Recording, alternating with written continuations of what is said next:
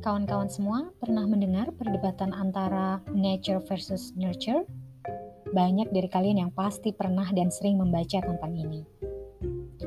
Selamat datang di Ngobrol Psikologi, podcast untuk kawan-kawan yang memiliki interest pada keilmuan psikologi dan ingin eksplor lebih dalam lagi terkait isu dan topik di dalamnya.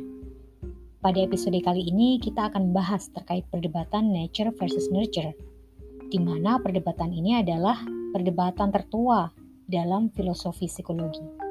Jadi sebenarnya tentang apakah itu semua? Nature mengacu pada semua gen, faktor biologis, dan faktor keturunan yang mempengaruhi siapa kita, dari penampilan fisik hingga karakteristik kepribadian kita. Sedangkan nurture itu mengacu pada semua variabel lingkungan yang mempengaruhi siapa kita, termasuk pengalaman masa kanak-kanak kita, bagaimana kita diasuh dan dibesarkan oleh orang tua kita, kemudian hubungan sosial kita dengan lingkungan sekitar, dengan teman-teman kita, dan juga terkait budaya yang ada di kehidupan kita. Perdebatan nature versus nurture melibatkan sejauh mana aspek tertentu dari perilaku manusia dan juga kepribadian manusia merupakan produk dari pengaruh genetik yang diwariskan, ataukah produk dari pengaruh pembelajaran dan pengasuhan setelah manusia itu lahir.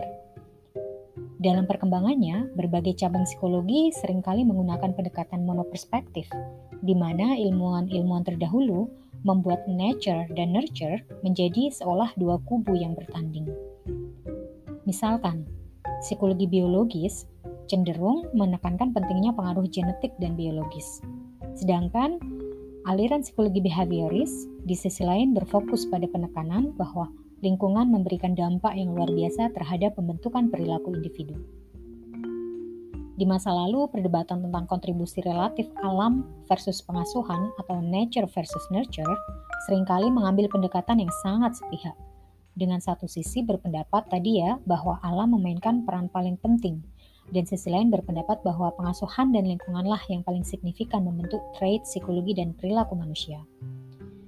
Tahukah teman-teman bahwa saat ini sebagian besar ahli ilmuwan psikologi pada akhirnya menyadari bahwa kedua faktor tersebut memainkan peran penting secara bersama-sama. Tidak hanya itu, tetapi mereka juga menyadari bahwa nature dan nurture berinteraksi dengan cara yang penting di sepanjang kehidupan manusia. Jawaban pro kontra terkait nature versus nurture sesungguhnya mewarnai sejarah perkembangan psikologi sebagai ilmu ya. Tadi kita sudah bahas uh, dua perspektif yang biasanya memperdebatkan antara nature versus nurture.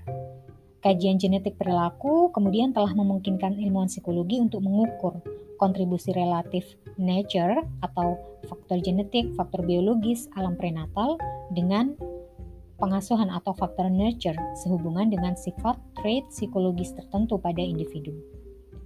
Jadi sekarang kita alih-alih menjadi pembela salah satu kubu, apakah kita nativis atau nurturist, sebagian besar dari kita perlu mengikuti langkah yang sudah diambil oleh peneliti psikologi modern saat ini, yaitu tidak membela atau tidak mengambil satu kubu, tapi justru menyelidiki bagaimana nature dan nurture berinteraksi dalam sejumlah cara yang super unik secara kuantitatif dan juga kualitatif dalam kaitannya kontribusi pembentukan trait psikologis, perilaku, dan karakteristik individu. Lebih lanjut lagi nih, psikologi modern dengan perkembangan riset di bidang budaya sosial serta juga di bidang genetik dengan kajian otak, maka keduanya antara perspektif behavioris dan perspektif biologis dapat menjaga keseimbangan antara analisis nature dan nurture dalam posisi yang tidak berat sebelah ada beberapa fakta riset yang perlu kita ketahui bersama teman-teman untuk menjadi landasan wawasan kita secara empiris. Salah satu hasil riset yang paling banyak disitasi adalah riset oleh Moffitt dan kawan-kawan pada tahun 2006 yang menyimpulkan bahwa nature, disposisi biologis dan genetis, dan nurture, lingkungan dan pengasuhan serta proses belajar itu berinteraksi satu sama lain. Disposisi biologis kita mempengaruhi bagaimana kita berperilaku dan menjalani kehidupan. Begitupun pengalaman sosial dan aspek eksternal juga mempengaruhi bagaimana kita memiliki trait-trait psikologis dan memiliki perilaku tertentu. Jadi, memilih salah satu sebagai faktor tunggal, nature atau nurture, pada akhirnya kurang tepat. Kita sepakat ya teman-teman sekarang?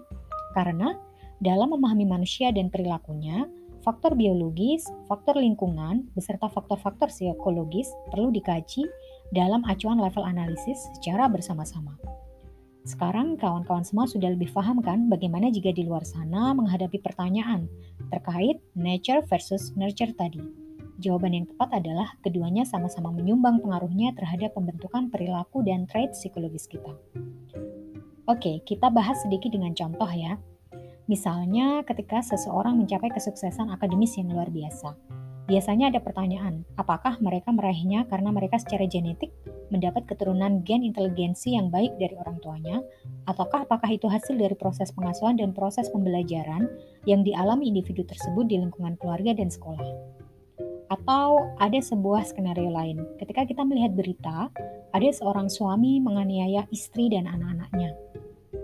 Muncul pertanyaan, apakah itu karena dia dilahirkan dengan gen agresivitas yang tinggi, ataukah itu sesuatu yang disebabkan oleh hal-hal yang dia pelajari dengan mengamati perilaku orang tuanya atau melihat sosial media, media massa, dan juga ataukah lingkungan dan faktor-faktor yang ada di lingkungan tersebut yang membuat uh, suami tersebut tega menganiaya istri dan anak-anaknya.